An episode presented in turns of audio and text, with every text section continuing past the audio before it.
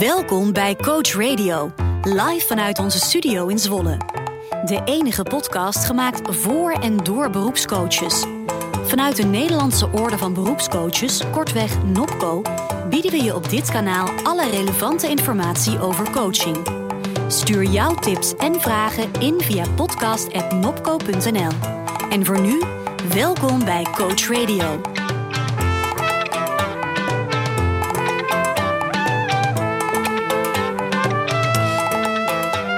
Ja, live vanuit Zwolle zijn we ook in 2022 bij jullie terug met onze Coach Radio podcast. Je zou een podcast kunnen zien als een goed gesprek tussen vrienden. Die onder het genot van een drankje met elkaar uitwisselen, consensus zoeken, lachen en elkaar verrijken. Een metafoor van een podcast en dat is niet voor niets.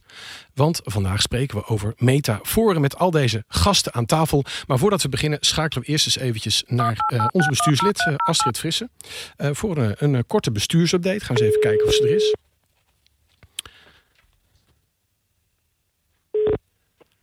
Hallo Astrid. Hallo Astrid, fijn dat je er bent, Hi. live in de uitzending. Hey, wij zien Ja, jouw foto in beeld voor iedereen die in de stream kijkt. eh, maar jij, jij zit op afstand. Jij zit in het verre. Welke prachtige provincie zit je vandaag? Ja, Zuid-Limburg. Zuid-Limburg. Prachtige Limburg met een zonnetje. Ja hoor. Met zo'n heerlijke zachte stem. Hey Astrid, jij bent heel druk bezig met een nieuwe Nopco-website, begreep ik. Uiteraard met een hele grote groep mensen die jou helpen. Maar Ja. wat is eigenlijk de reden om dit helemaal te renoveren? Ja, nou, weet je Alfred, Nopco is het platform voor professionele coaching in Nederland en coaching is hot.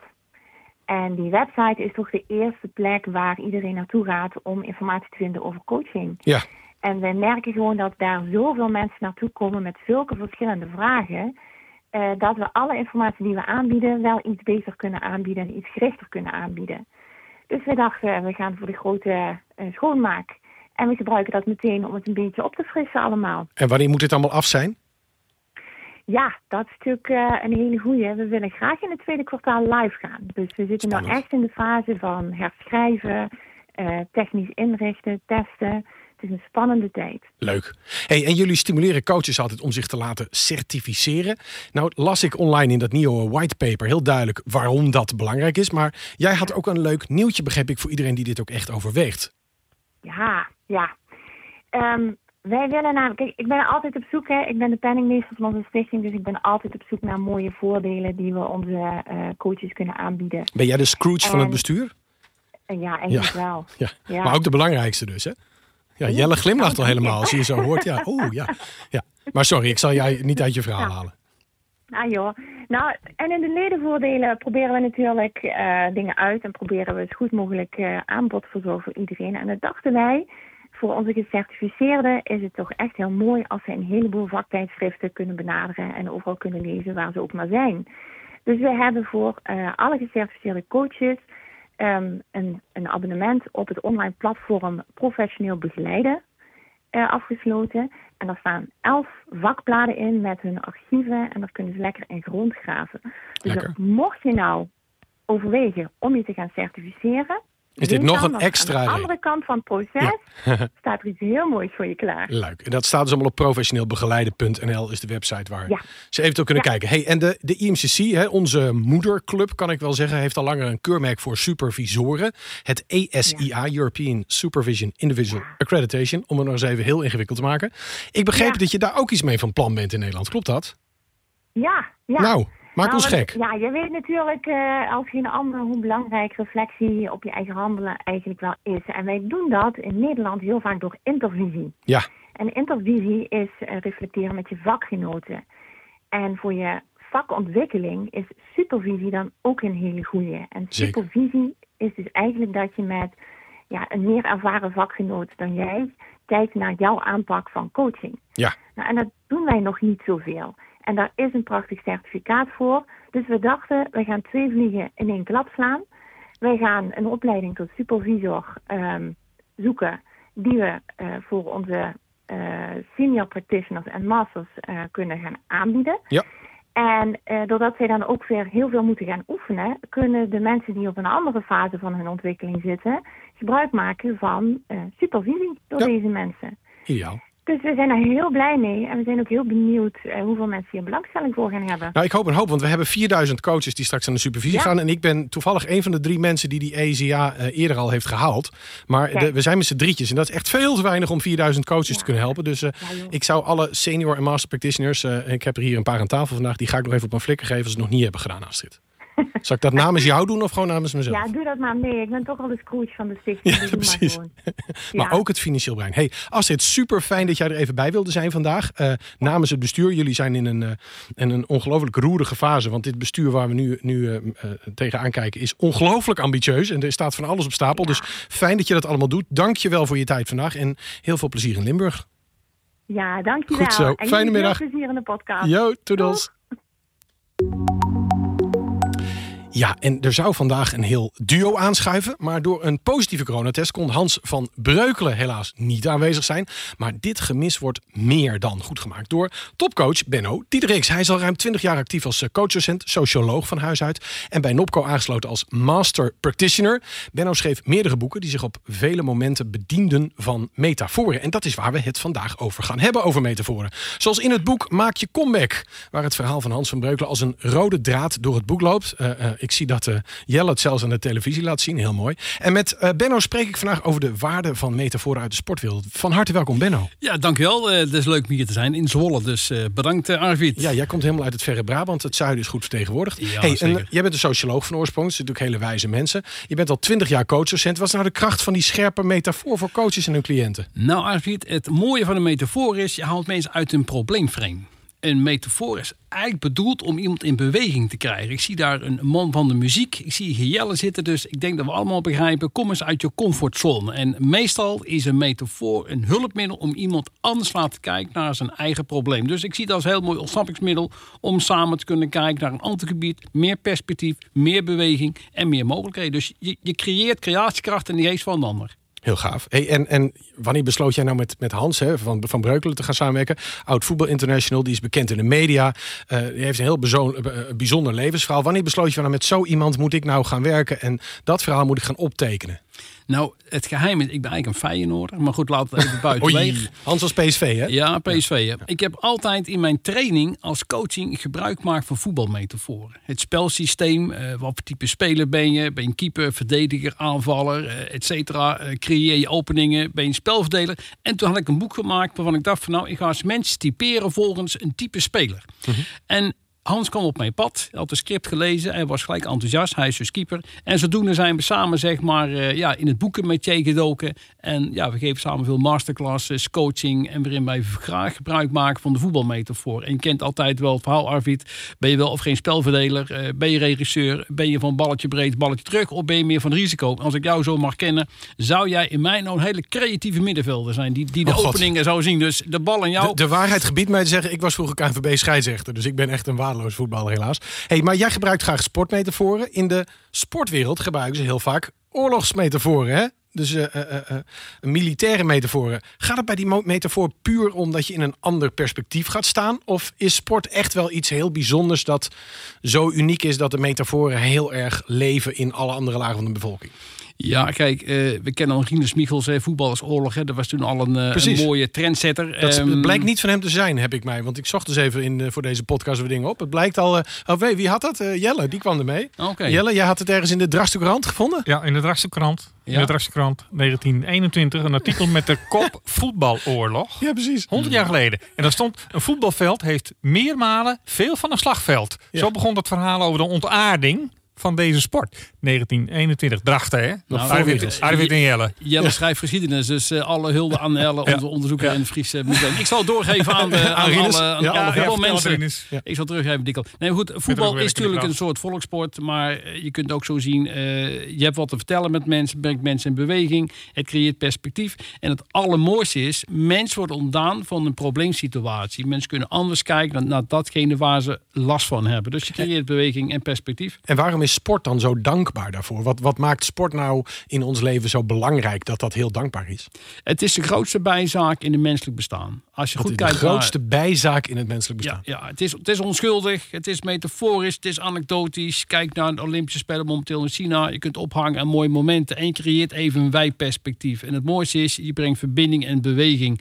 En het haalt de mensen eigenlijk even uit hun eigenlijke uh, comfortzone, uit de probleemcontext. Arvid, als wij samen praten, gebruiken we ook anekdotes.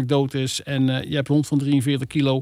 Toen je erover sprak, zag ik een hele andere Arvid als Arvid die bezig is in, in het hart van de zaak. Dus je laat ook zien, een mens wordt opeens een mens als je het hebt over je eigen hond. Zo is het. Onze kleine Hugo, die inmiddels Joekel is geworden. Hey, als nou een coachleerling van jou zou vragen van waar moet een goede metafoor uh, aan voldoen, heb jij dan een soort vuistregel? Want jij geeft voor onder andere ICM en NSOI al je hele leven coachopleiding. Er zijn, ik denk honderden, misschien wel duizend leerlingen van jouw hand zijn dit vak ingerold. Dus de, jouw naam moet een beetje bekend zijn in coachvak. Als die mensen nou in dat lokaal gewoon vragen, Benno, die metaforen, die kun je goed gebruiken in coachen. Hoe maak ik die als ik niet zo creatief ben? Ik zal je vertellen. Het geheim zit eigenlijk in jezelf. Jij moet een verhaallijn tot leven kunnen brengen. Dus eigenlijk vraagt ook van jou: ben jij een verteller? Ben jij een verhalenverteller? Kun je beeldend vertellen? Dus eigenlijk ligt de kracht wel bij jezelf. Je bent in feite de createur van datgene wat je gaat maken. Vervolgens moet wat je vertelt een verbinding kunnen zijn tussen gewenst en datgene waar je naartoe gaat. Dus mensen moeten wel het gevoel hebben dat ze via de metafoor een reis kunnen maken naar datgene waar ze graag naartoe willen gaan. Vervolgens kun je tussen degene waar het over gaat een verbinding maken tussen die metafoor. Net als een film, je moet erdoor gegrepen worden. Je moet door de metafoor gegrepen. Dus je moet ook iets kunnen vertellen wat connectie maakt met de ander. En vervolgens is van belang dat degene die het gaat geloven, er zelf in gaat geloven. En dat is eigenlijk een beetje, je maakt een film, jij bent regisseur en creëer voor jou hoofdrol. En zoals je nu vandaag zeg maar de podcast voor zit, en die beleving moet je iemand zien te krijgen. Dus dat, dat is eigenlijk, daar moet de goede metafoor aan voldoen. Maar dan moet je dus ook zorgen dat die parallel uh, echt klopt. Want als hij niet klopt, dan, dan valt de metafoor in duigen. Uh, hoe moeilijk is dat? Want ik, ik stel me altijd voor de mensen die dit veel doen. Ik gebruik zelf veel metaforen. Maar het, het vraagt een soort creatieve manier van taal gebruiken. Um, kun je dat aanleren? Of denk je van, ik, zie, ik ga zo naar Jelle, want die zit heel duidelijk ja te knikken. Maar, maar denk jij dat het iets is wat je kunt aanleren? Mm, het is te leren, maar je moet in jezelf wel iets anekdotisch hebben. Ik heb Jelle net ontmoet. En Jelle heeft echt gevoel voor humor, gevoel voor verbinding. En uh, ja, je kunt met Jelle meteen connectie maken. Dus uh, ik zie daar de muziekman zitten. Dus je ook gewoon een creatief eruit. Maar het moet een beetje in jezelf zitten. Je moet wel gevoel voor humor hebben. Maar, moet, maar, in jouw cultuur heb je de tonpraters. In jouw cultuur ja. zeg ik heel, heel, ja, heel Brabant, het, Brabant, Brabant, het, het, echte ja. carnaval. Dan heb je de tonpraters. Ben jij eigenlijk een tonprater van nature? Um, ik zal je vertellen, als je praat over metafoor, mijn wensbroek zou eigenlijk cabaretier zijn. Hè? Dat is metaforisch. En uh, elke Brabant wil eigenlijk cabaretier zijn. En elke coach is ook een soort van cabaretier. Hè? Want je probeert iemand uit zijn uh, comfort te halen en naar een verhaallijn te brengen, wat eigenlijk verlevendig. Dus je moet iets kunnen zijn van een soort cabaretier, al ben je maar een soort passieve cabaretier, maar je moet verhaallijnen creëren waar mensen in gaan geloven. En kijk, wat jij zegt, Arvid moet ten volle kloppen. Nee. In de werkelijkheid wel. Maar in de metafoor hoeft het niet te kloppen. Want dan kun je iemand veel eerder krijgen naar succes en naar hang naar beleving. Nee, dat snap ik. Maar ik bedoelde van wat moet kloppen. Hè? Je maakt een tweede verhaal dat, dat uh, uh, duidelijke kenmerken vertoont die overeenkomen met, met de situatie van ja. je cliënt. Uh, maar daar, daar, daar, leg je een parallel. Maar als je dus een heel ander verhaal of die parallel komt niet lekker aan of nee, iemand gaat dat, dat bestrijden, dan werkt het niet. Dus daarom vroeg ik even naar die parallel die moet kloppen. Je moet ook een beetje analytisch zijn. Dat is een beetje rot gezegd. Hè? Niet alleen de cabaretier, maar je moet ook de inhoud kunnen maken. Dus de context moet wel zo zijn dat de ander zich kan herkennen in de context. Maar dan als een soort transformatie met een mooi woord. Dus het moet wel geloofwaardig zijn, hanteerbaar zijn en inzichtbaar. Dus het vraagt voor jou wel inzicht in de context van de ander. Dus in die zin, uh, dat is een extra opdracht die een coach moet hebben. Dat je weet wat speelt bij jou, uh, wat, wat voor je belangrijk was zijn drijfveren. Dus dat vraagt wel inderdaad uh, koppeling van jouw realiteit aan datgene waar je het over hebt. En Jelle, ja. jij staat ook net heel duidelijk te knikken. Wat vraagt het van een coach? Nou, het, het, wat Benno zegt, die creativiteit, maar ook je kunnen verplaatsen in de context van je klant. Want ik spreek veel met technische mensen. En als ik bij wijze van spreken met een werktuigbouwer spreek en ik heb het over uh, de veerkracht van iemand. En ik vertel hem van, uh, ja, je kent uh, wanneer je een metaal door de vloeigrens trekt, ja. dan weet een engineer, een, een, een constructeur weet direct wat ik bedoel. Want door de vloeigrens dat betekent dat het nooit weer goed terugkomt. Ja. Dus veerkracht betekent dat je weer terugkomt. En door de vloeigrens heen, dan is het weer kapot. En dat begrip, dan zie ik het kwartje vallen van... Ja, chips. Dit begrip van, van, van door de vloeigrens, dit begrijp ik heel goed. Als ik, als ik daar uh, in kom, dan gaat het dan kom ik zelf niet meer terug. Dus dat ehm, begrip in de context van je klant en dan de parallel trekken, wat je eerder zei, die parallel echt op een creatieve manier weten te leggen, dan maakt het uh, de metafoor krachtig. Hey, en Benno, dan klinkt het, zoals Jelle het nu omschrijft, is best wel ingewikkeld. Ik, is dat iets wat iedereen kan? Uh, ja, zeker wel. Um, ik denk dat je ook goed kunt werken met uh, verbaal volgen, net wat Jelle zegt. Nou, het is van belang natuurlijk dat je als coach een metafoor kan maken die aas op de ander. En ik gebruik altijd de, de, de techniek verbaal volgen. Net wat Jelle zegt. Je gebruikt eigenlijk de taalstructuur van de ander. En daar maak je creatieve toepassingen op. Je kunt links, je kunt rechts, je kunt verdiepen, je kunt vernauwen. Ik had een bouwkundige.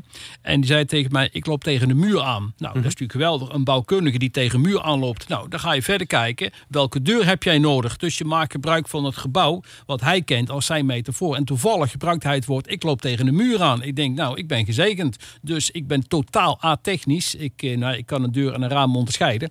Maar ik denk, ik maak dus gebruik van de meter het gebouw. Ik zeg, hoe kijk, je, hoe kijk je nu naar het gebouw? Hoe groot is die muur? Zou er een deur achter zitten? Nou goed, en zo begin je heel langzaam aan met de metafoor. Uh, het gebouw en de bouwkundige. Dus dit was een... Toevalligheidje, zeg maar, wat Jelle vertelt over de, over de techneut. Je gaat uit voor iemands referentiekader. En uh, ja, een sport is eigenlijk wel natuurlijk altijd een binnenkomer. Hè. Doe, iedereen heeft iets met sport, al is het maar eh, hengelen, of het is biljarten, of het is uh, op een bank zitten, of het is seppen. Maar sport is te alle tijden natuurlijk een soort ja, verbinding, wat iets in beweging gaat brengen. Hey, en nou heb jij een heleboel boeken geschreven inmiddels. Volgens mij komt de derde of de vierde al uit, klopt dat? De vierde komt uit. Toevallig zaterdag van de week Bas Kodden. Hans van Breuk en ik zei de gek bij Van der Valk in Vianen. En wij hebben onze gedachten nu uiteengezet voor het eh, vierde boek. En dat gaat dan heten uh, Innovatief Leiderschap. Uh, daarin willen wij op het laatste boek Mentale Innovatie het collectieve leiderschap gaan maken. Hoe kun je nou zeg maar met ons allen zeg maar gebruik maken van de mentale ruimte die elkaar kunt geven en nemen. Zeker in deze tijd van polarisatie is het natuurlijk heel erg fijn dat mentale ruimte meer bestaansrecht kan gaan krijgen. Dus dat geven en het nemen. Dus nou, wij denken het is nu tijd voor het boek. Dus toevallig van de week hebben wij onze gedachten uiteengezet. En we hopen dat rondom na de zomer te mogen uitbrengen. En wat hebben coaches aan jouw boeken? Want zijn het boeken waarvan je zegt, nou daar gaat een coach echt iets van leren. Wat zouden ze eruit kunnen halen? Ja, ik, eh, ik ga het niet op om te, om te zeggen dat mensen daarvan kunnen leren. Maar ik denk wel, uh, wat het heel handig maakt, onze boeken A, zijn zeer praktisch, zeer relevant. En wat wij vooral het over hebben, is over de toekomstbestendigheid. Um, Magic Beck is vooral geschreven voor mensen die uh, zeg maar uit zijn gevallen. Maar uh, mentale innovatie is vooral mensen die dronken eenzaam zijn van succes. En uh, ja, kijk naar de voorbeelden. Uh, onze rode vriend bij Ajax, die is gevallen van een berg. Bij de Voice mensen gevallen van een berg. En dat zijn mensen die eigenlijk eenzaam uh, dronken van succes zijn. Die voelen zich onaangetast. En dit zijn mensen die niet, die niet altijd te coachen zijn op het eerste gezicht. Maar het zijn net mensen. En daarin vind je echt handvatten om deze mensen zeg maar weer opnieuw zich te kunnen laten uitvinden. En je ziet hoeveel gevolgen dit kan hebben voor een, voor een organisatie. En uh, wij denken door uh, de, de, de, mentale innovatiemethode en Magic Back dat heel veel mensen op die hoge berg toch nog gered kunnen worden. En de ellende die dat teweeg brengt bij een organisatie is dan natuurlijk ontzettend groot. Dus uh, dat is denk ik wel wat wij kunnen bieden uit deze boeken voor onze collega's. Nou, dat klinkt in ieder geval ontzettend uh, smakelijk. Het zijn ook hele smakelijke boeken. Ze lezen lekker weg. Dus uh, wie de nieuwsgierig heeft, ze liggen hier op tafel. Maak je comeback, topposities. En er komt dus een heel nieuw boek binnenkort. Wanneer ligt het in de winkel, het nieuwe boek? Wij schatten in na zomer, herfst, oktober van uh, dit jaar, zeg maar. Het is Voor de wel, kerst. Iedereen kan het onder de kerst. Het wordt weer een kerst, kerstcadeau. Dat is goed. Hey, dankjewel. Fijn dat je er bent. Hier blijft nog even zitten. Jullie bedankt. En fijne uitzending verder. Goed, we gaan verder. Live in Zwolle bij ons aan tafel. Verkouden, maar achtvoudig negatief getest. Nou ja, dat is eh, heel veel zeker. Dat wordt het niet, hè? is muziektherapeut Ruben Stolp. En naast zijn werk als creatief begeleider is hij een veelgevraagd pianist en docent. En hopelijk heeft hij antwoorden op onze meest creatieve vragen. Fijn dat je er bent, Ruben. Ja, fijn met te zijn. Ja, hey, wat is de meerwaarde van een metafoor in jouw ervaring? Um, nou, bij mij in de, in de uh, pianolessen bijvoorbeeld uh, heb ik er enorm veel aan als uh, leerlingen bijvoorbeeld een, een, stuk muziek zien en ze denken dan, wow, dat is ontzettend moeilijk, want ze zien heel veel zwart staan, heel veel nootjes. En dan gebruik ik altijd bijvoorbeeld altijd de, de metafoor van, van dat je eh, op dat moment zeg maar de hele berg ziet Mhm. hè, die je moet gaan beklimmen. Maar als je de berg gaat beklimmen, dan begin je met één stap. Juist. En op die Het manier. eerste maatje. Dus even kijken wat Ja. de maatsoort, dus de toonsoort. Ja, precies. Rustig aan. Nou ja, het eerste maatje, precies. Het eerste, eerste maatje, eerste regel. Eh, zelfs eerst alleen maar de rechterhand. Precies. En dan pas de linkerhand. Dus eh, in stapjes eigenlijk dingen doen. Eh, nou, dat is een mooi voorbeeld. Duidelijk. En Maar wat die, die meerwaarde is dus dat je door de metafoor ook zorgt dat die kinderen eventjes teruggaan naar de focus van oké, ik kan dit wel aan en dan gebruik ik Ja. de metafoor van de berg en dan zien ze toch dat het minder spannend is. Ja, klopt. Ja, Oké. Hey, jij bent geschoold in creatieve therapie. Wat, eh, wat nou als coaches dat niet zijn? Want jij kunt dit even leggen. Jij, jij ziet die berg voor je en dan eh, maak je die metafoor. Kun je ze helpen ook om creatiever te denken? Ehm, als ik een consult zou geven aan een coach, bedoel je? Ja, als, of, of iemand anders die het graag zou willen kunnen. Maar iemand, want jij bent Ja. specifiek in geschoold. Dus jij, jouw brein dat werkt op een of andere manier met verbindingjes die al wat sneller gelegd worden. Ja, precies. Nou, Mijn eigen ervaring is dat als ik op het moment dat ik dat ik, eh, eh, eh, ik zie mezelf eigenlijk in die zin als muziekdocent, maar eigenlijk vooral als coach, coachende muziekdocent. Oké. En op het moment dat ik een les geef, of, of nou, op die manier een beetje coach, dan kom ik in een soort flow. Eh, waarbij het eigenlijk bijna vanzelf gaat. Dus, Zeg maar, dus dus eh, ik, ik zie, ik zie dat, dat iemand heeft, een, heeft een, een, een, een probleem ergens mee of, of komt ergens, loopt ergens tegenaan. En dan komt het eigenlijk bij mij, eh, omdat ik in de flow zit van het, van het coachen, zeg maar, komt het, komt het vanzelf bij maar, wijze van maar is, dat, is dat de wens dat je dus eh, eh, afdaalt in het brein van de leerling die daar achter die piano zit? Om de wens om diegene te begrijpen en te helpen? Is dat Onder andere. voelt? Ja, ja, sowieso. Oké. Ja. Hey, en waar moet een goede metafoor volgens jou aan voldoen? Nou, dat hij dus inderdaad, wat was eerder al gezegd, maar dat hij inderdaad vol- eh, relevant is voor de doelgroep. Hè, dus werd net genoemd een, een, een, een speler. Elke vorm van speler kun je gebruiken. Nou, maar goed, eh, voor, voor mij geldt dan de, de, de kids of mensen waar, waaraan ik lesgeef of die ik coach. eh, sommigen die hebben niks met voetbal, dus dan moet ik iets anders verzinnen. Dus als je dus een, een metafoor zou gebruiken over de belastingaangifte, komt die ook niet aan. Dus je moet je, moet Ja. je een beetje verdiepen in, eh, in de, de ooghoogte. Ja, precies. Ja. Hey, en, Ja. en kun je jezelf ook trainen in dat proces, dat je daar beter in? Want, want zijn, zijn, eh, jij zegt ik werk als coach, ik verdiep me erin. Jij hebt dus een wens om iemand te helpen. Je hebt natuurlijk ook mensen die dit doen omdat ze willen dat iemand heel goed wordt of dat de muziek heel mooi wordt. Wa- Wat is, dat, wa- wat is Ja. hetgene dat je moet trainen om hier heel goed in te worden? Nou, eh, als, je het hebt, als je het hebt over flow, dan is dat een, een- staat van zijn waarin je, eh, nou, als we het over, over even heel kort over hersengolven zouden hebben, zit je meer richting de alfa en de theta. En dat is wat meer de creativiteit. Eh, en eh, dat kun je trainen door bijvoorbeeld te mediteren.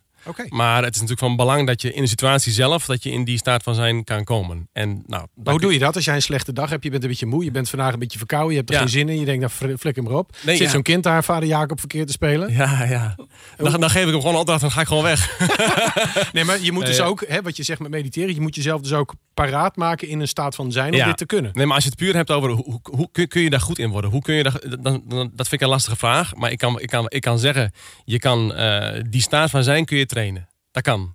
Nou, dat is een Maar- geruststelling. Maar hoe Ja. zou jij iemand trainen die daarin getraind wil worden? De- Met- Oh god, Oh, wow. Dat, eh, ehm, ik, nou, ik zou in ieder geval vragen, op wat voor momenten kom jij zelf in de flow? Herken, kun je dat überhaupt kun je dat herkennen, zeg maar, wat, wat, die, wat, wat daarmee bedoeld wordt? Ja. Eh, heb je jezelf wel eens ervaren in de, in de staat van flow?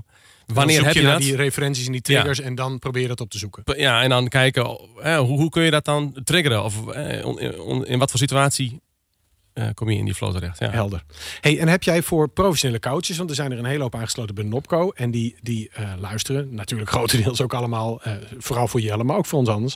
Heb jij een laatste tip voor die coaches die zich willen bekwamen in het gebruiken van metaforen? Ik heb, ik heb dus de, vraag van tevoren gezien en ik vond het echt heel lastig om daar, daar een, een, eh, een, antwoord op te vinden. Maar ja, ehm, ik, ja als, ik, denk, ik denk dat, dat, dat meditatie is, is een manier om, om, dat, om dat, eh, die staat van zijn in ieder geval te oefenen. En dan is dan de vraag, kun je dat ook eh, bereiken in een, in een sessie met, met, waar, iemand bij is? En zou je muziek kunnen gebruiken? Want ik zou me kunnen voorstellen, ik, eh, ik, ik kom ook uit de muzikale kant, zeg maar. Oké. Is het zo dat je ook kunt zeggen, nou, eh, ga, zitten met je ogen dicht, mediteer met muziek, kijk wat je voelt, kijk wat in je opkomt en leg parallellen met een verhaal of met een cliënt aan wie je denkt. Zou dat ook een manier zijn om die verbindingen te trainen? Ja, muziek is, is uh, sowieso een manier om in die staat te komen. Ja, want ik gebruik bijvoorbeeld ook in mijn lessen improvisatie. En daar heb je toch meer die, die staat van zijn voor nodig. Maar of ik nou met iemand, of ik nou met een coach zou gaan improviseren, weet ik niet. Maar, nee, maar is, is dat, het metafoor leggen, is dat niet per definitie dat hele gesprek improviseren? Is een gesprek niet altijd improviseren, tenzij we zoals vandaag hier in een gekunstelde setting met een microfoontje zitten. Maar normaal gesproken is het toch altijd improvisatie? Ja, Sowieso. Kijk, je vindt niet, het, niet opnieuw het wiel uit, want de woorden kennen we al. Maar je maakt nieuwe combinaties met, met uh, verschillende toonhoogtes en et cetera. Dus uh, ja. Leuk. Hey, en uh, doe jij nog veel meer met therapie of ben je voornamelijk bezig met jouw ja. pianowerk? Nou, ik heb dus ik heb een, nou, een, een therapeutische achtergrond. en ik vond het echt te gekke destijds op de opleiding ook. Maar momenteel ben ik echt meer sowieso, ik ben gewoon muzikant, dus ik heb mijn, mijn bands. En, tot twee jaar geen hol gedaan. Nee, ik heb al twee jaar geen hol gedaan, precies. Ik ben, ik ben helemaal, eh, ik sta helemaal droog. Ja. Uh, nee, maar ik, ik, eh, ik ben echt, echt, ik zie mezelf als een, een, een coachende docent. Uh, die het ook echt op die manier, niet per se de traditionele leraar, leerling, maar echt, ik, ik help iemand in zijn proces van het aangaan van uitdagingen. En hoe kun je daar, wat voor perspectief kun je daar aannemen, wat verhouding kun je daar aannemen. En, en wie jou zoekt, kan die jou vinden op rubenstol.nl? Is het zo simpel? Of ik was bezig met de website, en, maar die is nog niet live. Maar twee jaar niks gedaan. Komt nee, ik, de website van, van mijn band kun je, kun je wel vinden, maar daar, staat niks over coaching op. Dus, dat, uh... dus LinkedIn is de oplossing? Ja, bijvoorbeeld. Heel goed. Nou, hey, fijn dat je er vandaag was. Dankjewel. En uh, we gaan door uh, met de volgende. Tijd voor de boekrecensie met Jelle Westendorp. Daar is hij. Onze enige echte Jelle Westerdorp. Nu ook te zien, dames en heren. Ja. Godverdorie. Je moest ineens je haar kammen. Je zit hier normaal altijd in een soort overal. Maar vandaag moest je even een trui aan. Ik moest mijn haar kammen. Ik heb mijn haren gewassen. Ik ben naar de kapper geweest. Het is ongelooflijk. En ik geef bijna licht. Ja. Jij hebt het uh, boek gelezen. Flow. we zien het even in beeld. Van uh, Goed naar Goud. Meegenomen van sportcoach Mark Lammers. Ja. We hebben al heel veel gesproken over metaforen vandaag. Maar waarom zouden coaches dit boek nou moeten lezen? Omdat een sportcoach eigenlijk begrijpt dat coach gaat over het uh, veranderen van gedrag. Want mhm. als je het gedrag niet verandert, dan krijg je geen resultaat. En bij sport, bij topsport, wil je gewoon resultaat. En dit geldt dat niet voor alle coaching? Ja, dat geldt voor alle coaching. ja, ja. Nee, ja, ik zeg gewoon maar even in Ja, maar jij vraagt, wat kunnen coaches hiervan leren? Nou, Juist, dat. Dit dus, ja. Dat je en dus coach, zorg dat je als coach, als, organisatie, ja, als, als beroepscoach, dat je gewoon zorgt voor resultaat. Want je wordt ervoor betaald. Dus alsjeblieft, er moet wat gebeuren. En eh, dat kun je afzien van een uh, topsportcoach, omdat die in die cyclus van twee of vier jaar, Olympische Spelen, uh, wereldkampioenschappen, die moet gewoon presteren. Presteert hij niet, en soms al daarvoor, dan gaat hij eruit. Ja. en dan schrijft Mark Lammers als hockeycoach dat hij zo'n proces heeft meegemaakt en dat hij erachter is gekomen van wat gebeurde mij nu met die dames dat het zo goed ging. En terugspelend dat, dat, dat hele verhaal komt hij erachter, we zaten in een flow. Mhm. En in dit boek beschrijft hij hoe die, uh, die flow, dat hele flow-proces heeft uh, meegemaakt. Welke stappen dat hij daarvoor heeft gedaan. Maar ik hoor je zeggen, hij heeft het achterstevoren geschreven. Hij, dacht achteraf, ik heb het lekker bereikt en dan ga ik uitzoeken hoe het zat. Ja, want hij komt ook op elf stappen. Dus het was onbewust toevallig, zeg ik dat goed? Elf, ook, dat, ook dat principe van uh, onbewust onbekwaam naar onbewust bekwaam. Dat schrijft hij, beschrijft hij ook. Okay. Uh, dat zijn heel veel elementen die wij als coaches, maar ook als, uh, uh, ja, als je mensgerichte opleiding hebt gedaan, dan krijg je allerlei theorieën over of het nou Hofman is, of Maslow, of Herzberg, of zelfs Lean. Al, al die aspecten die. Die komen ook in dit boek weer voorbij dansen. Gebruikt hij ook in dit boek. Ja. Terwijl dit boek uh, zoals hij zegt, ook weer een uh, hulpmiddel is voor mensen in het bedrijfsleven. Om dus vanuit die topsportervaring iets in je bedrijfsleven te doen. Dus hij haalt dingen uit het bedrijfsleven en hij zet het in zijn boek en dat zet hij weer terug in het bedrijfsleven. Dus je zou kunnen zeggen, het is een bepaalde vorm van kenniscirculatie. En ook een vorm van hele goede marketing voor het boek en de lezing die er schijnbaar bij horen. Ja, ik, Toevallig. hij geeft twee lezingen en dat boek zal erbij horen. Ja, um, en ik moet zeggen, die verhalen die hij doet, ik heb ook iemand gesproken die hem heeft uh, meegemaakt. En dan uh, is er een anekdote wat zo aansprak bij diegene dat ik denk, ja, dan heb je gewoon een leuk en een goed verhaal verteld. Dat die, dat die meiden, dat, dat die eigenlijk zei van, hé hey meiden, um, wat, wat moeten we nog meer doen? Uh, die zeiden, we, willen er gewoon leuk uitzien. Dus uh, die uh, Morero, ik weet niet... Va, va, Fatima de Morero? Fa, Fatima die de ziet Morero. er leuk uit, zeker. Nou ja, goed, dat maakt niet uit. Maar Oh. die heeft um, gezegd, laat mij naar Adidas gaan. Die is daar drie dagen geweest. Die is teruggekomen met een hartstikke leuk stel kleding in verschillende uh, maten. Die, heb, die heeft die meiden zo aangekleed. En ja, ze zagen er gewoon spectaculair uit. En dat is dus ook waar je zelfvertrouwen uit krijgt als club en je stond daar als hockeydames en ze waren gewoon onverslaanbaar. Weet, dat hoort er ook bij en dat paste heel goed in die flow. Mhm. Mm -hmm. Dus grote uitdaging en heel, heel vaardig. En die combinatie van hele grote uitdagingen, heel erg vaardig, mm -hmm. Daar zit ergens zo'n taartpuntje dat, die in, dat je in die flow raakt. En, hey, en, en nou zijn er ook in die sportwereld, daar hebben we de bekendste filosoof natuurlijk Johan Cruijff. Een man met hele bijzondere metaforen. En die, die kreeg ooit de vraag of hij religieus was. En toen zei hij, ja, uh, ik geloof niet. Ik zal geen slecht typetje nagaan doen voor jullie, want het wordt te slecht. Ik geloof niet. In Spanje slaan alle 22 spelers een kruisje voordat ze het veld opkomen. Ja. Als het werkt, uh, zal het dus altijd gelijk spel worden. Ja. Nou, dan kun je zeggen, dat is heel grappig. Dat is ergens waar misschien. Ja. Uh, is dat soort logica, en ook die logica van Mark Lammers, is dat nou extreem simpel en ongefundeerd? Of is het eigenlijk stiekem briljant? Nou, ik weet, ik vraag me af of het briljant is. Het is wel heel leuk bedacht. Het, klinkt wel een beetje als van ja, nou ja, roken slecht voor je gezondheid. Mijn opa is 100 geworden. En die heeft ja. altijd gerookt. Weet je, dat, dat is zo'n eenling verhaal waarbij je denkt dat je daarmee de hele maatschappij uh, verklaart. Um, het verhaal van Cruijff over die 22, daar verklaar je niet de maatschappij mee, want geloof heeft uh, voor heel veel mensen uh, zegt dat wel iets. Mm -hmm. Maar in dit specifieke geval haalt hij wel uh, een beetje de angel eruit. Dat je geloof niet overal voor kan gebruiken. En dat is wat Cruijff wel heel goed doet. Hij weet op een bepaalde manier tegenstellingen uit te buiten. En dan zet hij je even op een ander been. En prikkelt hij alsof het filosofie is. En dat is waar ik dan ook van Cruijff lees, een hele leuke. Hè? Als we de bal hebben, dan kunnen we niet scoren. Mm -hmm. Ja, zo logisch, maar het is natuurlijk wel zo. Als je de bal niet hebt, dan kun je niet scoren. Ook in het bedrijfsleven, ook als coach niet. Je moet aan de bal zijn, wil je iets bereiken. Maar nou is de uitdaging, kijk, zo'n Lammers die heeft een succes. Die zegt achteraf, Flow die gaat dat terugredeneren. Dan is er in de drogredenaties een bekende, de Koemhok ergo propterhok. Met dit, dus door dit. Dan kan het makkelijk zijn dat hij zegt, ja, we hadden toen, uh, waren vraten elke middag bananen bij de lunch. Nou, ik weet zeker dat dat het is. Hoe kun je ja. zeker weten dat het niet een drogredenatie is? En dat wat hij dus heeft gedaan en heeft geduid als het eindpunt, nou die Flow, dat dat klopt.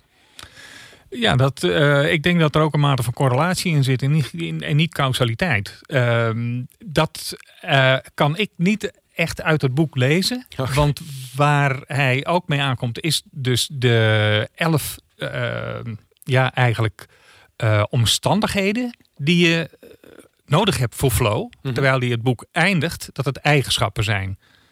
Dus in dat boek gebeurt er iets dat ik denk van ja, maar er gebeurt iets wat ik niet heb gelezen. Oei. Um, nou, daar ben ik dan kritisch op. Kritisch op. Terecht, Aan de ja. andere kant, hij geeft wel hele mooie openingen dat er omstandigheden zijn dat als je die niet hebt, dan helpt dat niet om in die flow te komen. Um, en hij geeft in verschillende situaties geeft hij aan dat een bepaalde omstandigheid geholpen heeft. En of dat nou uh, bij een hockeyclub van Den Bosch is, of uh, dat dat uh, bij de hockeydames is geweest in een, bepaald, in een bepaalde wedstrijd. Hij geeft wel verschillende voorbeelden. Dus daarmee probeert hij wel consistent te zijn in zijn, in zijn verhaal. Ja. En wat zijn de belangrijkste lessen die als jij dit hele boek gelezen hebt nou meeneemt? Ja, dat in jouw zijn toch dat wel zijn toch wel, tumultueuze leven, Jelle. Toch, toch, toch wel een paar. Toch wel. Um, Belangrijker is, is, eigenlijk dat er al heel, heel veel uitgevonden is, uh, maar dat het niet overal wordt toegepast. En dat heeft Mark Lammers in het boek wel beschreven.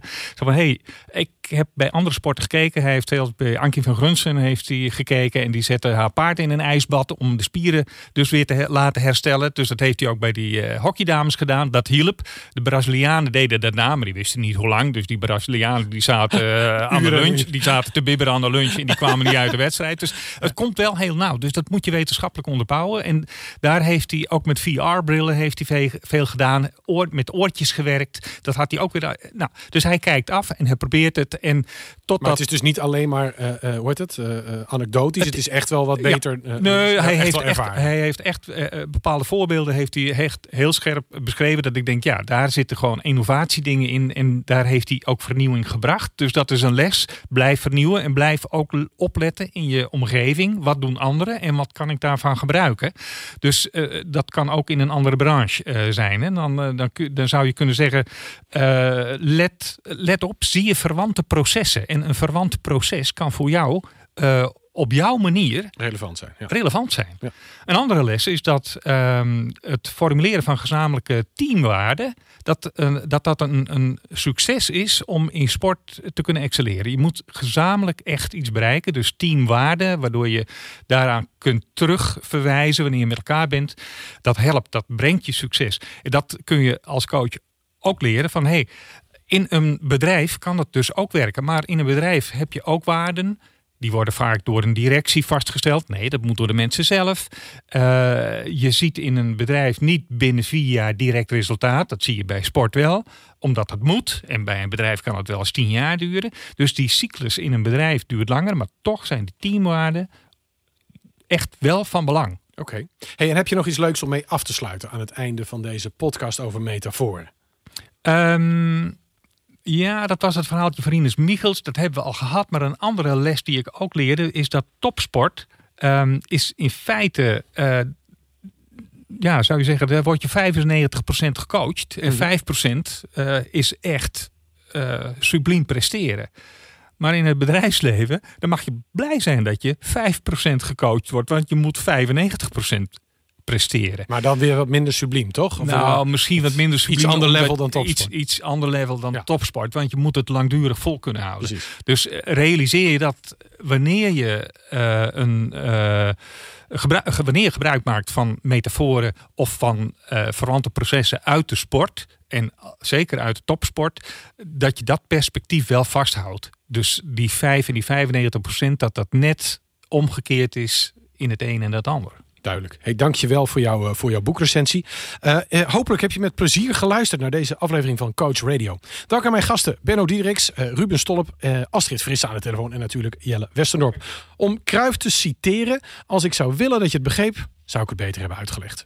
Stuur jouw ideeën, reacties en opmerkingen vooral naar podcast.nopco.nl. Volgende maand zijn we weer terug met een nieuwe aflevering. Die gaat over de gloednieuwe Nopco Academy. Heb jij het nieuwe programma al bekeken? Reageer dan snel als jij jouw eerste ervaring met ons wilt delen. Dankjewel voor het luisteren en heel graag tot snel. Dank voor het luisteren naar Coach Radio. Volg ons op SoundCloud, Spotify of iTunes en vergeet niet om een recensie achter te laten. Als je vragen, tips of opmerkingen hebt over deze uitzending, mail ons dan via podcast.nopco.nl. Deze podcast werd je aangeboden door Nopco. www.nopco.nl. Graag tot snel!